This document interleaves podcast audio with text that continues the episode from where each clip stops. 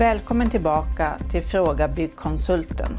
Podden där jag delar med mig av min erfarenhet och kompetens i byggbranschen.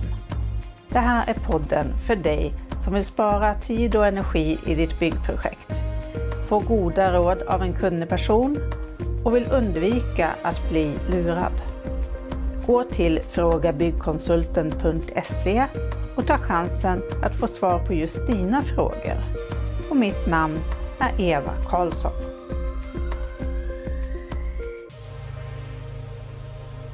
Kan du prata byggspråk?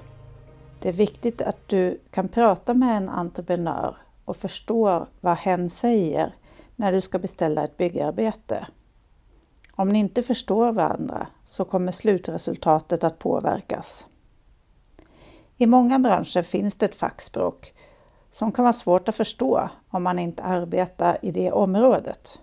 Och byggbranschen är inte något undantag. Det som skiljer byggbranschen från andra områden är att det är många som inte har någon kunskap från just byggbranschen som ska beställa arbete ifrån branschfolk. Det finns stora risker med detta och det är lätt att det blir fel. Det finns även en del personer som utnyttjar detta genom att missförstå med flit eller att använda språket för att förminska motparten. Det är så onödigt och jag tycker inte det hör hemma bland seriösa företag. Den bästa entreprenören eller konsulten är den som lyssnar på vad du vill och förklarar om det är något du inte förstår. Men du behöver även våga fråga om det är någonting som du undrar över. Det finns inga onödiga eller dåliga frågor. Det finns några saker som du kan göra för att förbereda dig inför ditt byggprojekt.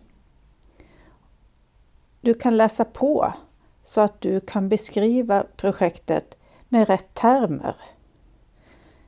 Du kan googla och se på Youtube-filmer så att du förstår lite mer om vad det egentligen är du ska beställa. Du kan även ta med någon som är byggkunnig vid dina samtal med entreprenören och som kan lyssna och förstå och förklara för dig vad du behöver veta som du inte förstår att du måste fråga om. Det kan även förhindra entreprenören att hen ska säga någonting som inte stämmer bara för att få dig att tro att du behöver göra vissa saker som gör en merkostnad för dig och som gör det bättre för entreprenören. Men det underlättar som sagt om du är modig och vågar fråga. För ju tidigare du ställer din fråga, desto billigare är lösningen av din fråga. På ritstadiet så är det ju väldigt billigt att fråga mycket för att då är det bara några streck som ska ritas om. Men är det som är ritat redan byggt, ja då blir det ju mycket större kostnader om du behöver ändra på något. Så det enda som du behöver komma ihåg från det här avsnittet, det är att alla inte behöver kunna allt. Men alla behöver veta när de behöver fråga någon som kan det du inte kan.